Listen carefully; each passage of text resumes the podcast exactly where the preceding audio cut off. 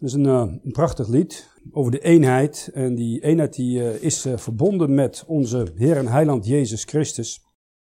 En die is opgestaan. Dat is het grote onderscheid tussen alle wereldreligies en onze openbaring van God. Dat is een opstanding. Ik wil graag daar een paar woorden over spreken, over de opstanding van Jezus Christus. Een paar paaslessen uit een gevangenis, daar wil ik u een paar woorden over lezen uit het boek Handelingen, hoofdstuk 12. En daar hebben we een man, zijn naam is Simon Petrus, en die uh, is daar op het punt om onthoofd te worden. Handelingen, hoofdstuk 12.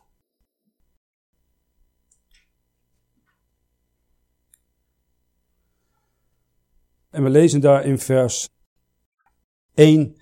En omtrent dezelfde tijd sloeg de koning Herodes de handen aan sommigen van de gemeente, om die kwalijk te behandelen. En hij doodde Jacobus, de broeder van Johannes, met het zwaard. En toen hij zag dat het de Joden behagelijk was, voer hij voort om ook Petrus te vangen. En het waren de dagen der ongehevelde broden, de welke ook gegrepen hebbende hij in de gevangenis zette en gaf hem over aan vier wachten, elk van vier krijgsknechten, om hem te bewaren, willende na het paasfeest hem voorbrengen voor het volk. Petrus dan werd in de gevangenis bewaard, maar van de gemeente werd een gedurig gebed tot God voor hem gedaan. En die gemeente die deed dat, dat ze hadden de angst dat Petrus deed als wat hij deed kort voor de kruisiging, namelijk dat hij daar de Heer Jezus had verlogend tot driemaal toe. En dat is een heel praktisch punt. Heel belangrijk is het persoonlijke gebedsleven. Dat als dat gebedsleven in orde is, we ook de gelegenheden kunnen waarnemen om te getuigen van een opgestane Jezus Christus. Als ik naar landen ga als, als Nepal of uh, India of uh, Pakistan, dan zijn heel veel Hindoes, de is Hindoes in India, Boeddhisten in Nepal, moslims in Pakistan. Dan zijn ze zeer religieus, veel religieuzer als dat wij zijn. Ook over God praten. De praktijk zie je eigenlijk in al die landen dat de vrouw bijna niets waard is. Ook de reden dat al die vrouwen heel graag naar Noordwest-Europa willen komen, want daar hebben ze gelijke rechten. En het bijzondere van de openbaring zoals we die hebben in de Heilige Schrift en de persoon van Jezus Christus, beide zijn de waarheid. De Heer Jezus zegt, ik ben de weg, de waarheid in het leven. Uw woord is de waarheid, zegt de Heer Jezus in Johannes 17, vers 17. Is dat er een, een, een persoon is die opgestaan is en de dood overwonnen heeft. Boeddha is dood, voor alle boeddhisten. De hindoe-goden zijn dood en hebben ook niets persoonlijk gedaan voor min dan hun 1 miljard volgelingen. Mohammed is ook dood en zijn gebeden kan men vinden in eh, Mekka geloven. En dat zie je dat als gevolg daarvan er een, het is geen dode religie, maar het is een religie met een dode leider, dat die leider niets voor hen kan doen. En wij hebben hier in dit liedboek, ik weet niet hoeveel liederen er zijn, ik zijn tientallen liederen, en die gaan bijna allemaal over, we hebben gezien over de heiland. De heiland zelf heeft ons geleerd, 141. 102 weer dat Jezus dierbaar bloed in de naam van Jezus. Het gaat gedurig over één persoon, dat is de Heer Jezus Christus. Hij leeft. Dus de kern van ons geloof is de opstanding van Jezus Christus. En daar willen we een paar versen over lezen. En uh, het wordt hier als eerste wordt hier een paasfeest genoemd in vers 4. Hij had voor om na het paasfeest Simon Petrus voor het volk te brengen en hetzelfde te doen als Pontius Pilatus hem te laten opbrengen. Dat paasfeest was eigenlijk een, een heidens feest. Verbonden met de god Astarte of Istar van het oosten. Dat was het vruchtbaarheidsfeest en dat zie je nog bij ons in de winkels dat er al die paashazen staan en paaseieren staan en uh, konijntjes en, uh, en uh, eitjes moet zoeken. En daar is een deel van de vruchtbaarheid, maar dat, heeft, dat is een vruchtbaarheidsfeest. En dat heeft eigenlijk niets van doen met het paascha. Dat is een ander, dat is een Joods feest. En um, de reden dat dat paaschaal reeds voorbij was, dat kunnen we zien in Handelingen 12, vers 3. Op het moment dat Petrus in die gevangenis kwam, dan lezen we daar, het waren de dagen der ongehevelde broden. En dat waren dagen meervoud. En er waren zeven dagen die volgden op dat Pascha. En het Oude Testament wordt het dan genoemd de dagen van de ongehevelde broden. Dat is interessant trouwens. Ik heb even gekeken naar de NBV 21. Ze hebben al een NBV 2004. Ze hebben ook een NBV 2021 gemaakt. Want die moet elke zoveel jaar weer herzien worden. Dat is goed voor de verkoopcijfers en de mensen die de copyright hebben. En daar heb ik gezien dat de NBV maakt van het paasfeest, is een heidensfeest, het Pesachfeest.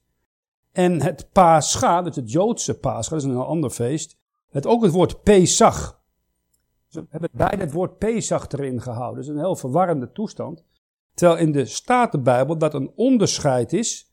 Het Pascha, dat is reeds in de vanuit gegaan. Dat was het Pascha, het lam dat dan geslacht moest worden. En dan had je die dagen van de ongehevelde, de ongezuurde broden.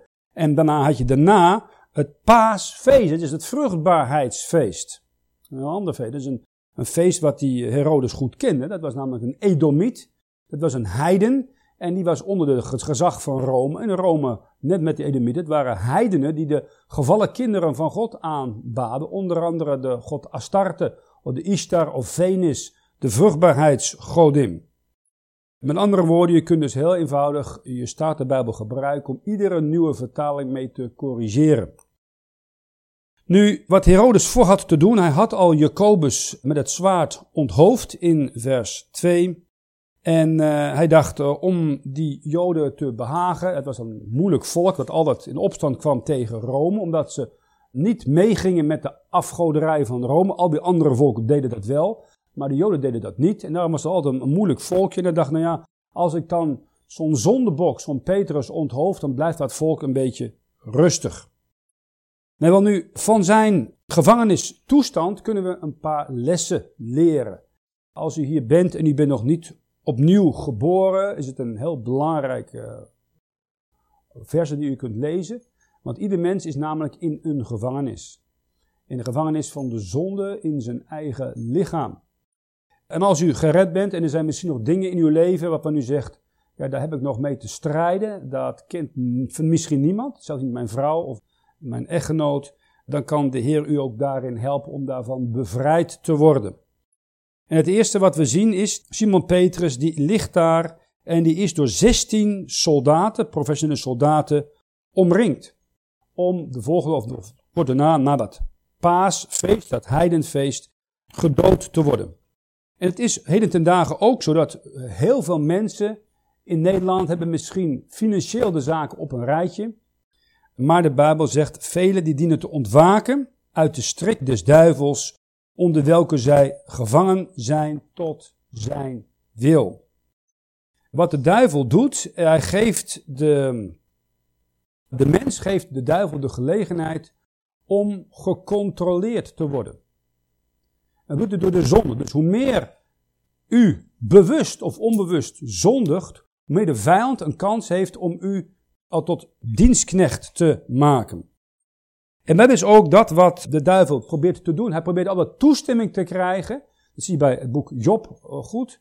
In Job 1 en 2. Bij God om een heilige, oud-testamentische man Job, nieuw-testamentische christen, dat kan u ook zijn. Om toestemming te krijgen om u aan te vallen of het nu fysiek is. We hebben daar een paar voorbeelden van gehoord van uw voorganger. Uh, daar zijn dan mensen die hebben een hartaanval gekregen of moeilijkheden of fysieke problemen. Het is een geestelijke strijd. Het is heel belangrijk dat voor elkaar bidden. En we hebben de eerste uur gehoord over de liefde. Een van de beste manieren om de liefde tot uitdrukking te brengen is voor elkaar te bidden. Iedere dag voor elkaar te bidden.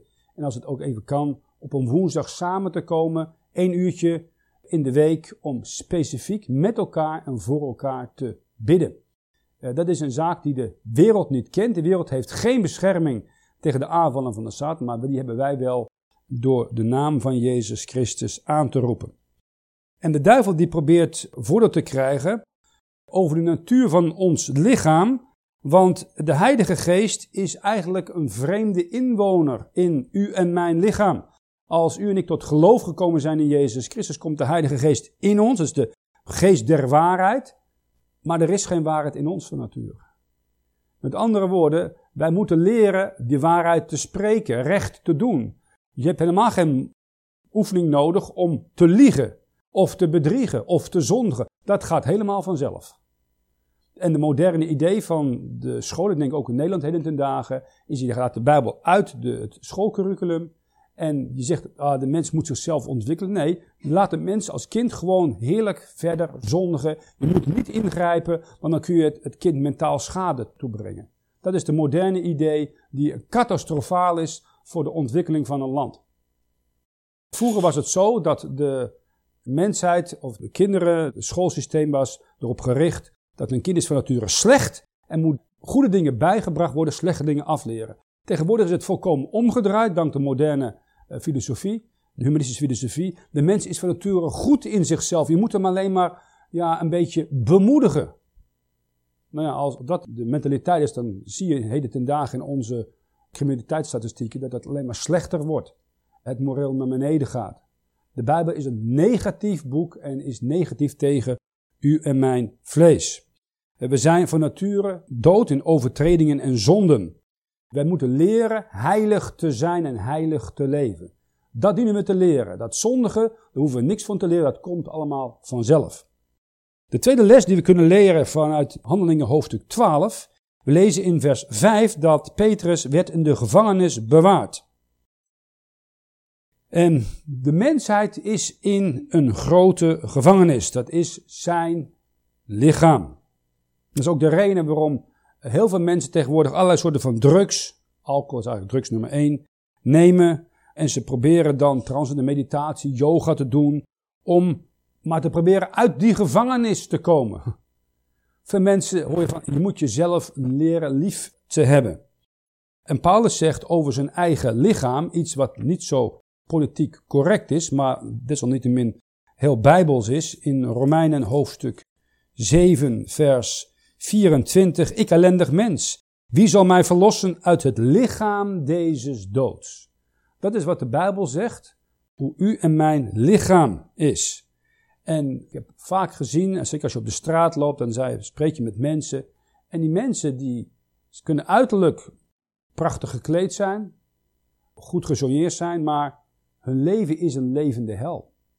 Ze hebben zoveel pijn van binnen. Of ze zijn zo aan de drugs om überhaupt nog van de ene tot de andere dag te komen.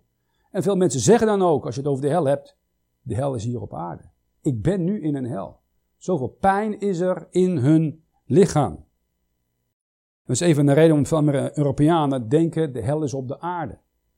En dat zie je ook vooral bij jeugd. We waren een tijdje geleden, in, twee weken geleden, in Leipzig. Leipzig is een stad in het oosten, voormalig Oost-Duitsland. En was een, stad die vroeger door de reformatie groot zeer gezegend werd. Is daarna zeer gestraft door de god van deze wereld met de 30-jarige oorlog. Met het bombardement van de Amerikanen. Het heel Leipzig werd plat gebombardeerd. De Amerikanen hebben het bevrijd. Daarna hebben ze het overgegeven aan de Russen. Er is nog 40 jaar communisme en dergelijke. En met de voorvaderen tot de reformatie zich hadden bekeerd. We gingen daar op de straat preken en uh, het begin was het ontzettend negatief. Ik heb er nooit zo'n negatieve atmosfeer gehad. Nauwelijks niemand nam een traktaat aan. En er waren wat satanisten en dergelijke. En ik later hoorde eens een, een burcht van vrijmetselaars en satanisten en uh, de gothic muziekevents. En we gingen een half uurtje ergens anders staan. En dat was een, een geweldige open deur. En we konden met een vijf mensen tot Jezus Christus leiden. En dat waren vijf, het waren jeugd, jeugdige mensen tussen de 16 en, en 25 jaar. En alle zeiden, wij hebben helemaal geen hoop, we hebben geen toekomst. De enige toekomst die wij horen is van Jezus Christus. De ouders interesseren zich niet voor de kinderen. Er is eigenlijk geen praktische toekomst voor hen. En ze zijn daarom open voor het evangelie van de genade van God. Een evangelie wat vreugde geeft, wat kracht geeft, wat liefde geeft, dat kennen ze helemaal niet daar. Ze zijn volkomen gehersenspoeld door 40 jaar communisme. Dat is een, een goed voorbeeld van jeugd die eigenlijk hopeloos is en probeert in zijn eigen lichaam nog wat vreugde te vinden, maar eigenlijk geen doel heeft. Veel van de mensen die we vooral in het Duitsstalige gebied, waar ik actief ben, in Wenen, Tirol, München, Berlijn, ik zie dat ze onder een, een juk van dienstbaarheid leven. Ze zijn onder een zwaar juk. We hebben daar geloof ik nog net al iets over gelezen in nou, is het, uh, Matthäus 11, dat de Heer Jezus zegt dat juk wat ik de mens aanbied, is een heel ander juk wat deze wereld u aan te bieden heeft. Neem mijn juk op u, zegt hij, en leer van mij dat ik zachtmoedig ben en nederig van hart. En gij zult rust vinden voor uw zielen, want mijn juk is zacht en mijn last is licht. En als u nog niet gered bent, dan wil ik u graag uitnodigen om vandaag tot Jezus Christus te komen. Het juk van de religie is bijzonder zwaar. Het juk van deze wereld is niet te dragen. Het juk van voor mijn veertigste miljonair zijn en succes zijn en op het moment heb je het misschien bereikt en dan wat? dan kan je nog altijd gebonden zijn met de ketenen van de zonde. Het derde wat we kunnen leren van deze situatie waarin de apostel Petrus zich bevindt, is dat hij dient te sterven. Dat is ongeveer het enige recht wat we hebben. Het andere recht is om ons te verantwoorden voor de levende God. Maar het eerste recht is, we hebben het verdiend om te sterven, want het loon der zonde is de dood. En zoals het de mensen gezet is, één keer te sterven en daarna het oordeel. De dood die komt met snelle voetstappen. En eens zal de dood ook bij u aankloppen. En waar de deur open is, komt hij binnen. En ieder van ons heeft een afspraak met de dood. We hebben gehoord vandaag van de moeder van Ella, geloof ik. De vader die heeft een eh, hartaanval gekregen. En het kan met ieder van ons zo afgelopen zijn. Soms kan dat heel snel zijn, soms kan dat heel langzaam. Maar we dienen voorbereid te zijn op de dood. Zoals iemand gezegd heeft, als u niet voorbereid bent om te sterven, bent u ook niet goed voorbereid om te leven. De vraag toch is hoe u de dood onder ogen komt. En het bijzondere is dat een christen kan met vreugde de dood tegemoet treden. Een kennis van ons, die tot geloof gekomen is zo'n 15 jaar geleden, heeft dat omscholen in een soort, um, ik weet niet hoe dat hier precies noemt, iemand die stervensbegeleiding doet, thuis bij mensen. En ze mag geen Bijbel gebruiken, want het is een zeer katholiek gebied daar in het zuiden van Oostenrijk, Carinthië. Maar ze heeft al die Bijbelversen uit haar hoofd geleerd. Aan de hand van de Duitse Statenbijbel, de Lutherbijbel. Dus ze heeft zo'n 20, 30 van die Bijbelversen uit het hoofd geleerd. En dan uh, mag ze met die mensen spreken. En dan, heel veel zijn katholiek en die gaan dan Maria of een heilige aanbidden. En zij schrijft, nee, nee, nee, de enige die opgestaan is en iets voor heeft gedaan is Jezus Christus. Hij is de weg, de waarheid en het leven. Hij is voor u gestorven, zijn bloed kan verlossen. En ze kan regelmatig mensen tot een levend geloof in Jezus Christus brengen. Nou, op het moment dat dat gebeurt, dan zegt ze, moet tot het geloof in Jezus Christus. En dan wordt ze vaak gevraagd om de laatste minuten of het laatste uur bij die persoon te zijn en ook met die persoon te bidden. En zegt ze vaak als die persoon dan ontslaap is, hè, zo heet dat, een christen ontslaapt, dan is er vaak een hele vrede, vreugdevolle, rustgevende uitdrukking op het gezicht. Maar ze zetten ook vrouwen, mannen, die weigeren het evangelie aan te nemen. Die willen er niets van weten en ze weten ze gaan naar de hel. Op het moment dat ze strijden, uiteindelijk moeten ze dan gaan. En dan zie je een soort een afschuwelijke ja, grimas op het gezicht van zo'n ja, lijk liggen, waar de ziel uitgegaan is naar de hel. Dus zo'n groot onderscheid. En die uh, familie van de persoon die ze tot de Heer Jezus mag leiden, die zegt dan bij de begrafenis, we willen ook dat, zo heet ze Heidi, dat Heidi ook even een paar woorden zegt. De priester die hoeven niet, de katholieke priester, die, die, eh, ze weet, die komt alleen voor het geld, die heeft geen hoop. Maar Heidi, Heidi die kan ons hoop geven en dan mag ze iets vertellen over de Heer Jezus Christus. En dat is eigenlijk een mooi voorbeeld van iemand die daarop geplaatst heeft zich bewust daarom laten scholen, om daar in dat donkere katholieke dal mensen te begeleiden in de laatste uren, de laatste dagen. En ze kan dan vrij getuigen en daarna ook getuigen naar de achtergebleven mensen die ook troost nodig hebben. We hoeven niet bedroefd te zijn zoals de anderen die geen hoop hebben.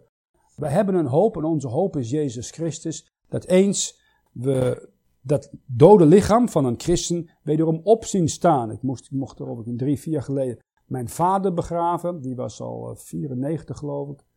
Ja, en uh, hij heeft 29 jaar daarvoor heeft hij de Heer Jezus Christus als een persoonlijke verlosser aangenomen. En uh, hij heeft één Bijbelvers geleerd. Meteen de eerste week na zijn bekering. Daarna heeft hij nooit meer één geleerd. Want hij vond zichzelf wel te oud, dat was 65. Maar hij heeft één vers geleerd, dat was 1 Johannes 5, vers 11 en 12. En dat dit is het getuigenis. God heeft ons het eeuwige leven gegeven. En het leven is in zijn Zoon. Wie de Zoon van God heeft, die heeft het leven. En hij was in een hospice daar in Venendaal. En ik was er met mijn broer en mocht hem daar zo begeleiden. Ik zei op een gegeven moment toen hij nog wat aanspreekbaar was. Nou, nou, weet u waar je naartoe gaat en wat de Bijbel erover zegt? Ja, zei ik ga naar de Heer Jezus. En hij had dat lied van Fanny Crosby, uh, Eeuwige Zekerheid, Jezus is mijn, uh, uitgeschreven. En uh, zeg maar, welk vers heeft hij dan? Ik wilde hem nog eens even vragen of hij dat wel wist. Hij zegt, jongen, stel niet op de proef. 1 Johannes 5, vers 11 en 12. En dat was een heel eenvoudig Bijbelvers, maar het heeft hem wel ook in de laatste dagen van zijn leven begeleid. En dat is wel heel belangrijk, want heel veel mensen die zeer religieus zijn, die hebben geen hoop. Die hebben geen zekerheid, die weten niet waar ze naartoe gaan. Sterker nog, die hebben een grote angst voor de dood, of weten soms ook dat ze naar een plaats gaan waar het niet zo mooi is. De apostel Paulus, die uh, had een hoop, en hij noemt dat in 2 Timotheus hoofdstuk 4 vers 6. Ik word nu tot een drankoffer geofferd, en de tijd mijner ontbinding is aanstaande. Hij wist waar hij naartoe zou gaan. Hij zou naar de Heer Jezus Christus gaan en hij noemt het sterven gewin in Filippenzen 1 vers 21. Wel, het volgende wat we kunnen leren van deze situatie van een man in de gevangenis in Handelingen hoofdstuk 12 is dat vers 6 toen hem nu Herodes zou voorbrengen, sliep Petrus diezelfde nacht tussen twee krijgsknechten gebonden met twee ketenen. En de wachters voor de deur bewaarden de gevangenis. Kan je voorstellen, van die zestien man waren er twee die met hem sliepen en beide waren aan Petrus geketend. Er waren nog een paar man voor die deur, er waren waarschijnlijk nog een paar man rondom die gevangenis. Er waren allemaal soldaten die waakzaam dienen te zijn dat deze man niet ontvoerd zou worden of zou ontvlieden. We lezen hier dat, kunnen daaruit leren dat de mensheid in het algemeen is aan het slapen en geestelijk gebonden. De Nederlander heeft een hele sterke drang naar vrij. Dat heb je bij de Zwitsers ook. Ook vrij, heten ze nou daar. En die zijn uh, heel belangrijk. Het vrijheid is heel belangrijk. Maar vrijheid krijg je niet, of behoud niet, tenzij door waarheid gegrond. Eerst komt de waarheid en de waarheid maakt vrij. Bij Auschwitz heb je zo'n poort met boven arbeid maakt vrij. Dat is een typische katholieke religieuze onzin. Hè, dat je door eigen religieuze werken vrij zou kunnen worden. Of je zonde zou kunnen uitbalanceren. Dat is een leugen. Jezus Christus maakt vrij. Zijn bloed maakt volkomen vrij. Door zijn dood en opstanding is hij levend en kan hij nu u vrijmaken van de toorn van God of de macht van de zonde. Um, op het moment dat de Heer Jezus Christus Jeruzalem binnenkomt om kort daarna gekruisigd te worden, lezen we in Marcus hoofdstuk 11 dat hij twee discipelen zoekt uh, of uitstuurt die een veulen gebonden moeten zoeken en vinden, op het welk geen mens gezeten heeft, in Marcus 11 vers 2, ontbindt het en brengt het. Ze moeten het ontbinden. Dat veulen is gebonden. Dat is een beeld van een niet geredde zondaar. Als u ziet, u bent niet gered, dan bent u gebonden. Heeft u wel eens geprobeerd op een veulen te rijden waar nog niemand op gezeten heeft? Dat gaat niet goed. Dat is een heel wild beest en dat gaat overal naartoe. En zo zijn wij van nature ook. dat hoor je vaak met jeugd. Nou, als ik 18 ben, dan doe ik wat ik wil. Dan heeft niemand me mooi er iets te vertellen. Wacht maar tot ik 18 ben. Dan, dan zal ik het even laten zien. Ja, want hij wil dat niemand op een, op een, moet ingebroken worden, hè, zeggen ze dan. Dan moet je op zitten en dan moet je inbreken. En dan, als hij ingebroken is, dan kan hij eh, overal naartoe gaan. En dat is met een mens ook zo. Een mens moet ingebroken worden. En sommigen van u zijn op de harde manier ingebroken. Amen. En op een gegeven moment heb je uitgevogeld, ja, dat, dat zijn dingen die je gewoon niet moet doen. De Bijbel zegt dat ook duidelijk. Sommigen komen dan tot geloof, zijn nog niet ingebroken en moeten in de loop van hun christenleven ingebroken worden. Je kan het vergelijken, daar lagen van die lekkere koekjes. Heb ook genomen, maar die kun je zo breken en dan kun je hem zo mooi terugleggen. Zo. Dan, lijkt het alsof het een heel mooi koekje is wat niet gebroken is. Maar als je het dan probeert op te pakken, dan breekt het natuurlijk af. En dat is eigenlijk ook met een mens zo. Je, kunt iemand hebben die uiterlijk christen te zijn, maar als hij niet ingebroken is, doet hij nog altijd zijn wil. Het eerste wat we dienen te leren als christen is niet mijn, maar uw wil geschieden. En op het moment dat die wil van God op die wil van u komt, dan komt het ware beestje tot de uitdrukking. U kunt met eigen kinderen. Ja, maar junior wil dat. En nee, dat gaat niet. Nou, dan komt het ware aard van het beestje naar boven. Dat kan een woede uitbarsten, irritatie geven, scheldkanonades geven. Of het kan zijn, oké, oké, dan doe ik dat. Het laatste is iemand die gebroken is. En de Heer verwacht dat wij ook gebroken zijn. Niet dat we onze geest laten breken of zo. Maar dat we vrijwillig zeggen, Heer, niet mijn wil meer, niet mijn verlangens, niet mijn plannen, maar van nu af heeft u het voor het zeggen. En op het moment dat u dat hem overgeeft, eigenlijk uw leven, uw, uw wil hem overgeeft, is het veel makkelijker. Dan kan hij gaan leiden. In plaats dat u zelf probeert de teugels vast te houden. Datzelfde zien we bij een man als Lazarus. Lazarus was fysiek reeds gestorven. In het Johannes-evangelie hoofdstuk 11. En op een gegeven moment komt de Heer Jezus daar en hij houdt van hem en van zijn beide zusters. En dan zegt de Heer Jezus in Johannes 11, vers 44, als een beschrijving van hoe wij waren. En misschien bent u nog wel altijd zo. U zit hier als gast, maar u bent nog niet opnieuw geboren. Johannes 11, vers 44, Lazarus de gestorvene kwam uit, gebonden aan handen en voeten met grafdoeken. En zijn aangezicht was omwonden met een zweetdoek. Jezus zeide tot hen, ontbind hem en laat hem heen gaan. Ontbind hem. We dienen ontbonden te worden van de ketenen van de zonde. Dat kan ook zo zijn als je al reeds opnieuw geboren bent. Dus er kunnen nog dingen zijn, zonden zijn. En dan zeg ja, maar ik, ik, ik strijd er tegen. Het eerste wat het heel belangrijk is, wat het ook is, en iedereen heeft wel een of andere zwakheid of zonde waar hij tegen strijdt, te zeggen, Heer, ik ben het probleem. Ik wil deze zonde bij u bekennen. Ik heb iemand gehad die had het probleem met roken gehad. Ander wat alcohol gehad. Nou, kleine dingen. Dat zijn altijd kleine dingen, zeg ik. De echte grote problemen zijn dingen als jaloersheid of als geldzucht. Die zijn veel moeilijker te traceren. Roken of drinken of drugs zijn de kleinere uiterlijke dingen. En die zei op een gegeven moment van, uh, heer, ik zie, ik ben het probleem, ik wil dit als een zonde, het roken als een zonde bekennen. En wilt u me daarvan helpen en van bevrijden? En wilt u me ook niet meer de, dat het niet meer lekker smaakt? En toen was hij ervan bevrijd. Hij moest het als zonde bekennen die hij beging tegen God. Dat is een heel belangrijk principe. Als je dat zegt, zegt er in 1 Johannes 1, vers 9. Als we onze zonde bekennen, is hij trouw en gerecht om onze zonde te vergeven en ons te reinigen van alle ongerechtigheid. Dat is een heel belangrijk eh, principe van de kracht van het bloed van Jezus Christus. En eh, een tijdje, eh, wat je ook vaak ziet als mensen gebonden zijn en je gaat ze dat vertellen, dan hebben ze geen vreugde. We waren eind vorig jaar in Wenen. En we hadden daar een uh, samenkomst met orthodoxe mensen, mannen 40, 50. En ja, de orthodoxe achtergrond, dus uh, Grieks-orthodox, Servisch-orthodox. En uh, een, een, vriend van mij had daar een, een, reden gehouden en daarna kwam ik met het evangelie. En halverwege stond men op, nee, daar zijn we het helemaal niet mee eens. Hoe kun je dat dan zeggen? Hele toestand, mensen opstaan en zo. Woedend gingen ze voor me weg naar de gemeente. Ik dacht, nou, probeer het nog een beetje recht te breien. Had ik gebed en nou, u kunt er ook een Bijbel meenemen. Nou, we hebben helemaal geen interesse aan die hele Bijbel. Nou, volgende dag dacht ik, nazorg, één persoon kwam. Eén persoon, was al christen. Hij zegt, ja, het is wel een beetje vuurwerk geweest. Ja. Ik zeg, ja, dat kan je wel zeggen. Nou, laten we maar bidden. Niks gehoord. En ik dacht, nou, wat kunnen iets in Wenen beginnen. Een belangrijke stad, hoofdstad van Oostenrijk en zo. Na vier maanden hoor ik van iemand zeggen, ja, weet je dat er een paar mensen tot geloof gekomen zijn aan die verzameling? Ik zeg, nee, geen idee. Hoeveel? Vier. Vier tot geloof gekomen.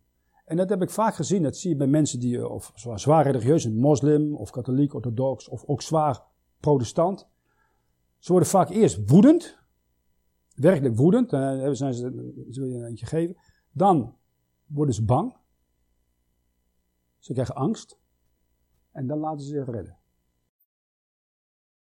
Dat is een heel belangrijk principe. Dus als je ook op de straat, als een bemoediging, moet je gewoon op de straat volgens mij regelmatig. Als je nooit een reactie hebt, dat is vaak veel moeilijker dan dat mensen. We hebben op straat gehad dat mensen water uit de ramen gooiden. Met, eerst komt er meel uit, dan, dan komt het helemaal wind en dan komt er een, en water bovenop. Dus je moet een beetje. Ik dacht van als je slim bent, dan ga je dan zo hier zo staan. En dan denk je van, nou ik ben slim, ik weet uh, niks in mijn rug. Maar ja, dan moet je ook naar boven kijken. Dan heb je allerlei meel en, en water over je heen en zo. En uh, nou, dan kunnen andere dingen zo niet naar je hoofd gegooid worden. En dan moet je een beetje links en rechts gaan. Dat is ook niet zo'n probleem. Dat is een beetje actie. Dat is ook goed. Goed voor je reactievermogen. Maar uh, dat, heb je vaak, vaak beter dan dat je alleen maar mensen hebt en ze kijken je aan en ze, oh, oh, leuk voor jou. Aan de hel. Oh ja, nou, dan ga ik naar de hel. Nou, dat is veel moeilijker om daar door te komen. Dus ik kan je aanmoedigen om gewoon door te gaan om uh, te preken. En nogmaals, de meeste die zijn door traditie gebonden. Dat kan ook hier in Nederland zijn. Ook protestante tradities zijn. Of evangelische tradities. Mensen zeggen, ja, je moet gedoopt worden in water.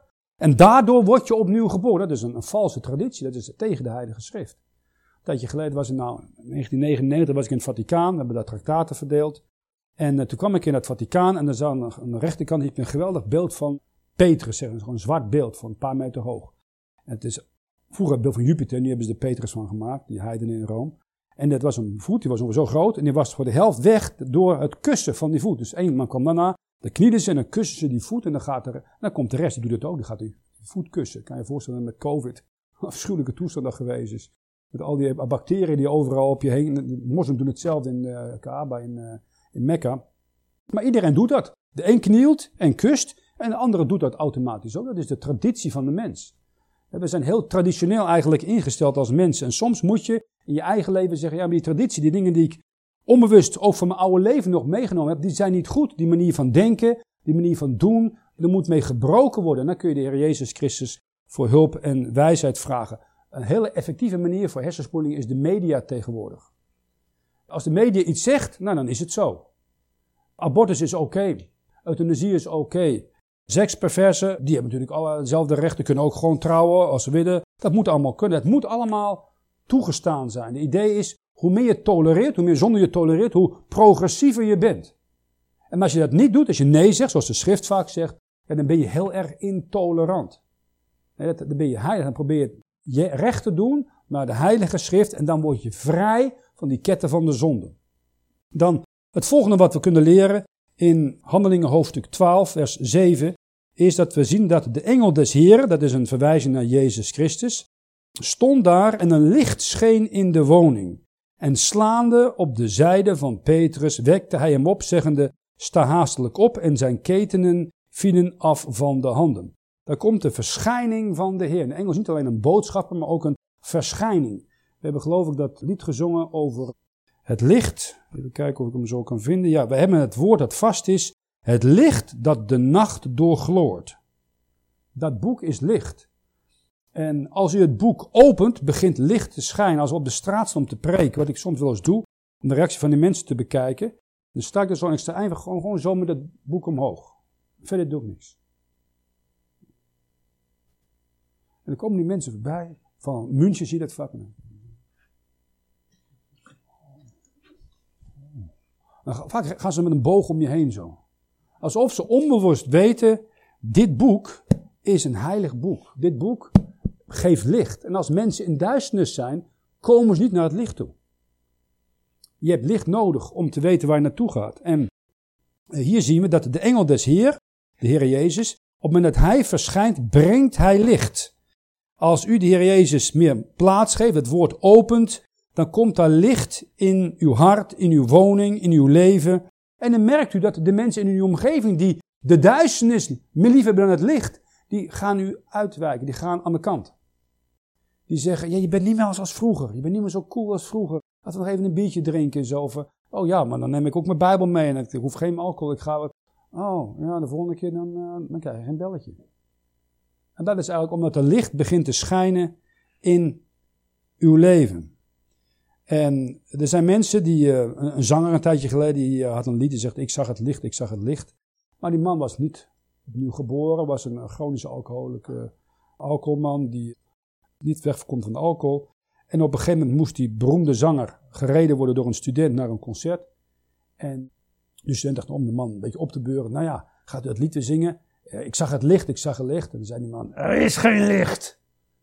Ja, oudere man die vol in de zonde gegaan. Er is geen licht. Er was geen licht in hem. Er is wel licht in Jezus Christus. Maar dan niet wel tot hem te komen. Hij is tot u gekomen. En hij verlangt dat u dan ook tot hem wil komen. Waarom hebben de mensen licht nodig? Want de God van deze wereld heeft hun ogen verblind. En wat doet hij? Hij geeft dan een vals, een imitatie licht. De engel, de, God van deze wereld, die als een engel des lichts verschijnt. En dat is niet het ware licht wat in de wereld gekomen is. Dat is een imitatielicht. Je ziet het soms, ik geloof dat uh, Mohammed had, uh, engel, was het Gabriel, die als een licht verschenen is. Uh, je had Joe Smith, de grondlegger van de Mormonen, had ook de engel Moroni geloof ik. Dat is allemaal lichtengelen verschijningen. Maar het ware licht is de Heer Jezus Christus. Het ware licht is dit boek. En als mensen soms zeggen in Nederland, ik volg een beetje de politiek van afstand in Zwitserland. Je ziet allemaal toestanden met de toeslagenaffaire, eh, Groningen gassen. Dingen kunnen gewoon niet geregeld worden. Een van de redenen, mijns inziens, is er is te weinig licht. Als er meer licht is, er komt meer licht in, of het nou politiek is of de harten van de mensen, worden dingen in orde gebracht. Wordt er recht gedaan. Wordt er niet naar waarheid gestreven, maar ook worden die dingen worden in orde gebracht. Maar dat gebeurt minder en minder. En mijn zin is de ware reden dat op de preekstoelen wordt dit boek gesloten, wordt het niet meer als gehele raad van God gepredikt en wordt ook niet meer recht gedeeld en geleerd. Daar begint mijns inziens alle afval en speciaal op de theologische hogescholen en uh, universiteiten in Nederland. Daar ligt het, mijns inziens, het kern van het probleem. De Heer zegt in uh, Jezaja hoofdstuk 8 vers 20 in het Oude Testament betreffende licht tot de wet en tot de getuigenis. Zo zij niet spreken naar dit woord wat licht is, het zal zijn dat zij geen dageraad zullen hebben. Dus het licht niet zullen zien. Op het moment dat dus het woord, dit boek gesloten wordt of niet meer gepredikt wordt, dan ziet, ziet men geen dageraad, ziet men geen licht meer. Geen licht in de tunnel meer, dan wordt het een hopeloze samenleving. Hoeveel Nederlanders per jaar hier uit het Nederland vertrekken, omdat ze geen hoop meer zien, geen toekomst meer zien. Ik weet het niet, maar het zijn er mijn zinziens een heleboel. De Bijbel zegt in Psalm 119, vers 130. Psalm 119, vers 130. De opening uw woorden, meervoud, woorden geeft licht. De slechten verstandig makende. Een mens is van nature slecht, hij kan verstandigheid ontvangen als de woorden van God geopend worden. En dat geeft licht, dat geeft wijsheid, genoeg licht voor de volgende stap in uw leven, in de opvoeding van uw kinderen, in de toekomst op het werk, in een wijsheid waar de Heer u geestelijk wil hebben. Psalm 119, vers 105 zegt, uw woord is een lamp voor mijn voet en een licht voor mijn pad. De Heer, door zijn woord, laat u zien waar hij wil dat u naartoe dient te gaan. En soms heb je een dienst nodig waar een opwekking is. Een opwekking is voor christenen, niet voor ongeloven, voor christenen, die opgewekt worden om terug te gaan naar de schrift, om de Bijbel te lezen. Geen Bijbel, geen ontbijt. Het woord te lezen met vrouw, als je net getrouwd bent, neem tijd om samen iedere avond het woord te lezen. De man die het te lezen, geef een paar opmerkingen, samen te bidden, voor elkaar, de Heer te loven en te prijzen. Neem de tijd om waar mogelijk iedere dag dat woord te openen waar de man mijns inziens de verantwoordelijkheid voor heeft. En probeer ook als man dan, als je iets gelezen hebt, ochtends, vers mannen te hebben en dat je dat aan je vrouw en je kinderen door probeert te geven. Een zesde punt wat ik hier wil noemen is in vers 6 van Handelingen hoofdstuk 12 dat redding direct kan geschieden. Als u hier zit en u bent nog niet opnieuw geboren, kunt u nu, vandaag, in de komende minuten direct gered worden. We lezen in vers 7 van Handelingen 12 dat de engel des Heer zegt, sta haastelijk op en zijn ketenen vielen af van de handen. Op het moment dat u Jezus Christus vertrouwt, kan de Heer u redden. Neem we aan, dit is een beeld van de zonde. En met die zondeschuld komt ieder mens tot God, tot Jezus Christus. En de Heer zegt, ik wil dat u een volkomen perfect heilig leven heeft dat is het leven van mijn zoon. Niemand heeft dat. Wanneer een zondaar tot God komt, moet hij niet eerst al zijn zonden meervoud bekennen. Hij dient wat te doen? Hij dient zich te bekeren, maar zij te erkennen dat zijn gerechtigheid verbonden met zijn zonde niet voldoende is. En te geloven aan Jezus Christus, Gods gerechtigheid. Wanneer hij de Heer Jezus aanneemt, dan wordt de zonde van u aan de Heer Jezus toegerekend. En de heiligheid, de gerechtigheid van Jezus Christus wordt u toegerekend. Dat is een zaak die direct kan geschieden. Dat is als u een persoon, de Heer Jezus, vandaag aanneemt door gebed, door geloof in uw hart. En de Bijbel zegt, waarom is dat zo? Omdat van alle mensen in de Bijbel wordt er maar van één mens gezegd, dit is mijn zoon, in hem heb ik mijn welbehagen. In hem alleen is er welbehagen. En als u de Heer Jezus heeft, dan bent u in Gods ogen welbehagelijk. Je kunt het vergelijken met als, je, als ik in gevangenissen preek, dan is het wel zo dat je dan een, um, een schot hebt bijvoorbeeld waar je achter kan schuilen. Dan zeg ik nou, als er nou iemand komt die een moordenaar mij wil ombrengen, dan kan ik hier achter deze deur mij verstoppen. En dan word ik daarvoor bewaard voor wat hij mij aan wil doen. En het oordeel van God, dat stopt bij u als u schuilt achter het bloed van Jezus Christus. En dan bent u voor eeuwig gered. En dat is wat Nederland, wat de mensen hier, ook met Pasen, niet weten. Je gaat de straat op, je preekt het evangelie. Ja, Pasen, een vrije dag en zo. Ja, het heeft iets met Jezus van doen. Ja, dat gaat dat moeten uitleggen. Dan zeggen de mensen, oh, oh, dat is wel interessant. Ja, dat heeft ook voor mij effect. Maar dan moet je ze uitleggen. En nogmaals, openbaar prediken, mijns in Apeldoorn, zorgt ervoor dat er een politiestaat niet door kan komen in Nederland. Want die komt er in de loop van de tijd. Als je een Europese Unie hebt, waar Rome uiteindelijk het zeggenschap heeft gehad. We hebben in de geschiedenis gezien, Nederland heeft 80 jaar gestreden in de 16e en 17e eeuw. Dan in 1672 nog tegen de aanval van vier katholieke koningen om het land te verwoesten. Dan nog eens een keer tegen een katholieke Napoleon. Dan nog een keer tegen een katholieke Hitler. Dat waren alle katholieken. Zodat is uh, de koning van Spanje, Lodewijk XIV, Napoleon en uh, Hitler. En nu heb je een Europese Unie die volkomen Rooms-katholiek georiënteerd en gegrond probeert hier in Nederland de vrijheid weg te nemen. En wat is er nog tegen als dit boek, de waarheid, gepreekt wordt, niet alleen in de openbaarheid, maar ook in de gemeente. Dat kan een politiestaat die alle waarheid en vrijheid wegneemt, stoppen. En dat is zo belangrijk om te doen. Dus ik kan u aanmoedigen, als u de tijd heeft om eens in de maand, geloof ik, mee te gaan, wat traktaten te verdelen. En uh, kan het goed zijn dat u een bekende treft, die u uitlacht of wat dan ook, maar het is goed voor u. Om iets te moeten ja, incasseren, gewoon omdat u zich niet schaamt voor de naam van Jezus Christus. Dat is heel gezond. En dan komt die, de groei die komt dan vanzelf.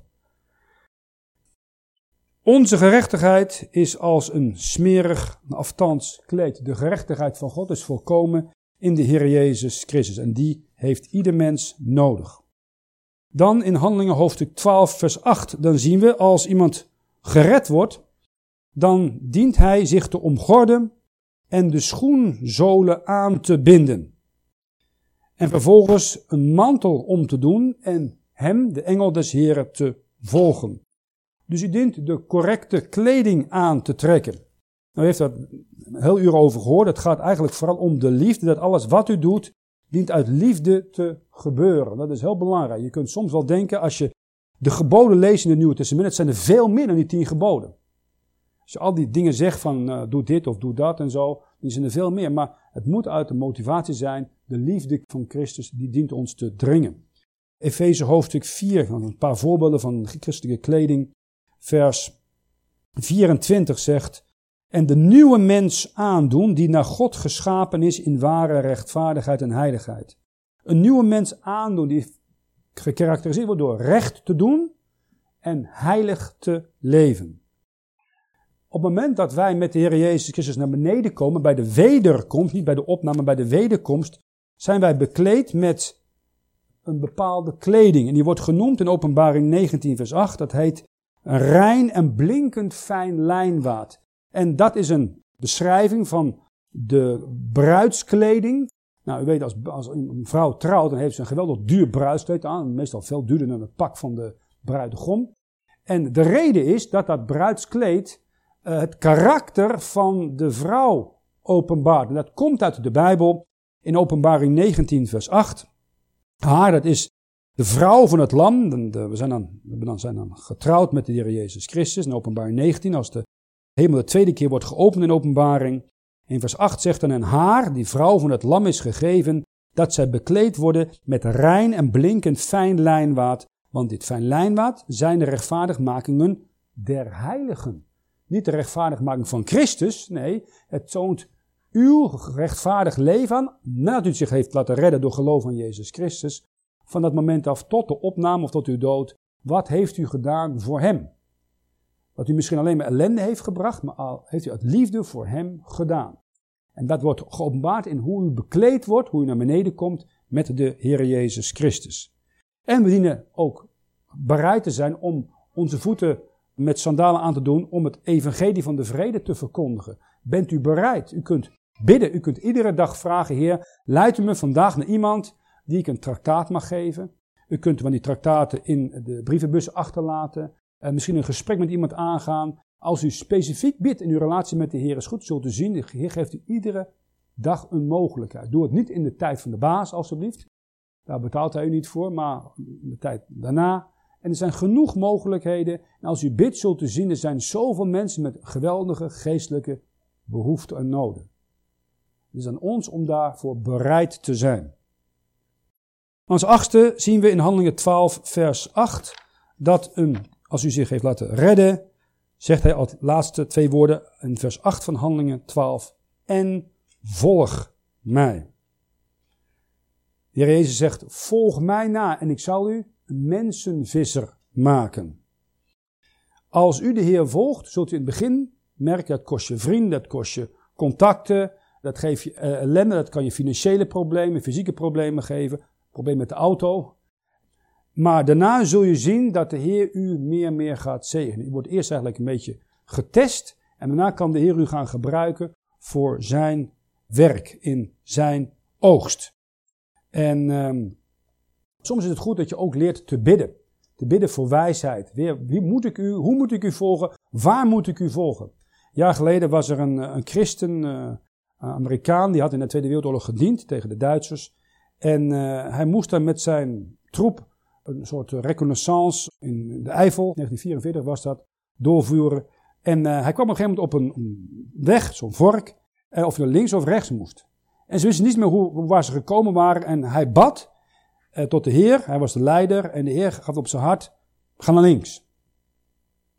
Nou, dat kan hij doen. Maar. Dus hij ging naar links. En twee dagen later kwamen ze met de Amerikaanse troepen tegen die Duitsers. Ze kwamen bij datzelfde plaats en ze kwamen van de andere kant. En ze zagen daar dat er drie machinegeweren waren geplaatst op het gebied. Als ze naar rechts waren gegaan, waren ze zo in die drie machinegewerennesten gelopen. En dat zagen ze, maar ze hebben hem bedankt. En hij kon toen zeggen, ja, maar dat komt omdat ik gebeden heb. En de heeft me laten zien, daar niet naartoe, je moet de andere kant op gaan. En hij kon toen ook getuigen. En heeft ook een paar mensen tot de Heer Jezus mogen leiden in die tijd als soldaat. Leer te bidden. Soms denk je, als je zoveel jaren christen bent, nou, ik weet wel hoe het gaat. Of op de straat. Nee, je moet altijd bidden en altijd de Heer voor wijsheid vragen. Heer, wat wilt u dat ik doe? En uiteindelijk, wat heel belangrijk is, en zeker als je nog niet gered bent, vers 11, Petrus tot zichzelf gekomen zijnde. Soms moet je tot jezelf komen. En je moet leren niet meer te gaan naar de begeerden van het vlees, de begeerden van de ogen leven.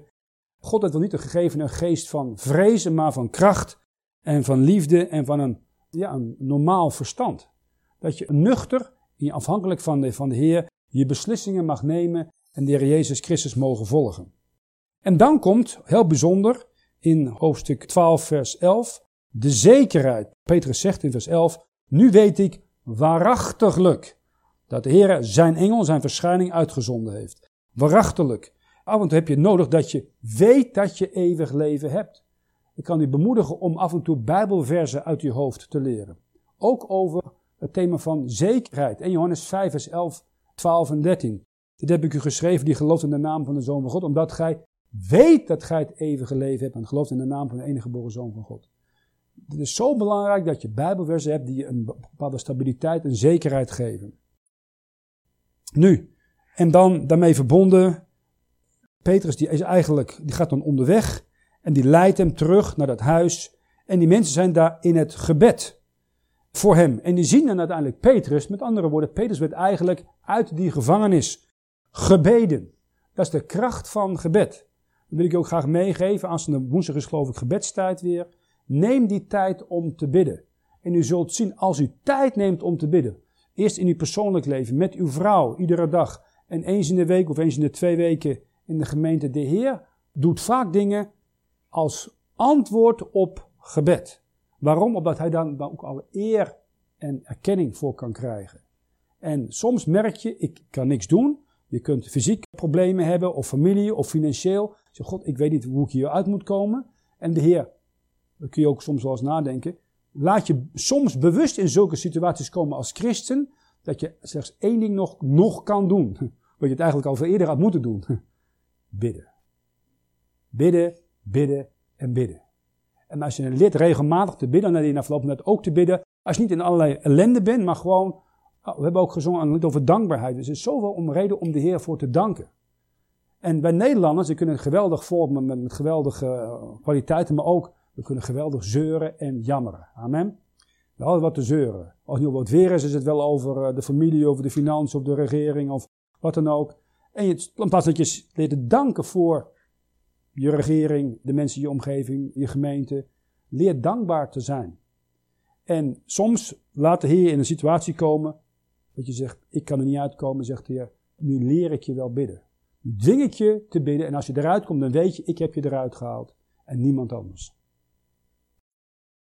De Bijbel zegt, als iemand in Christus is, is hij een nieuw schepsel, het oude is vergaan, het is alles nieuw geworden. We zijn begraven met hem door de doop in de dood en zullen nu in nieuwheid des levens dienen te wandelen.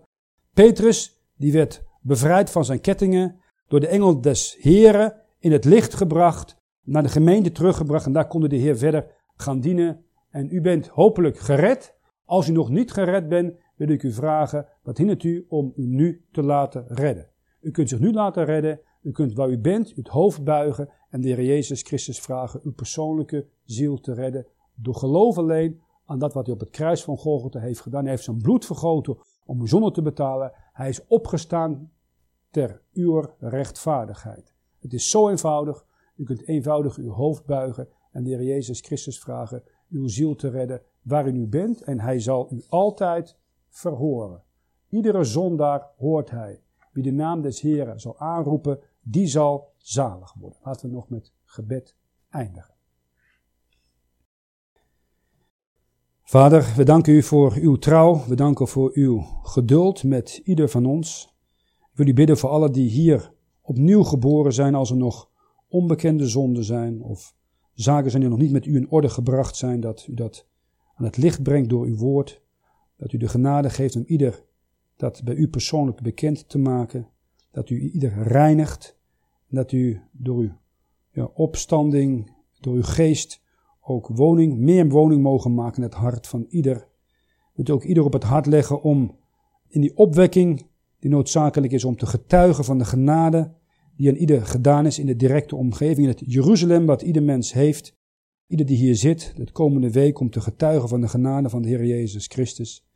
U speciaal bidden voor hen die hier zijn en nog niet gered zijn, misschien in traditie of andere ketten der zonde gebonden zijn.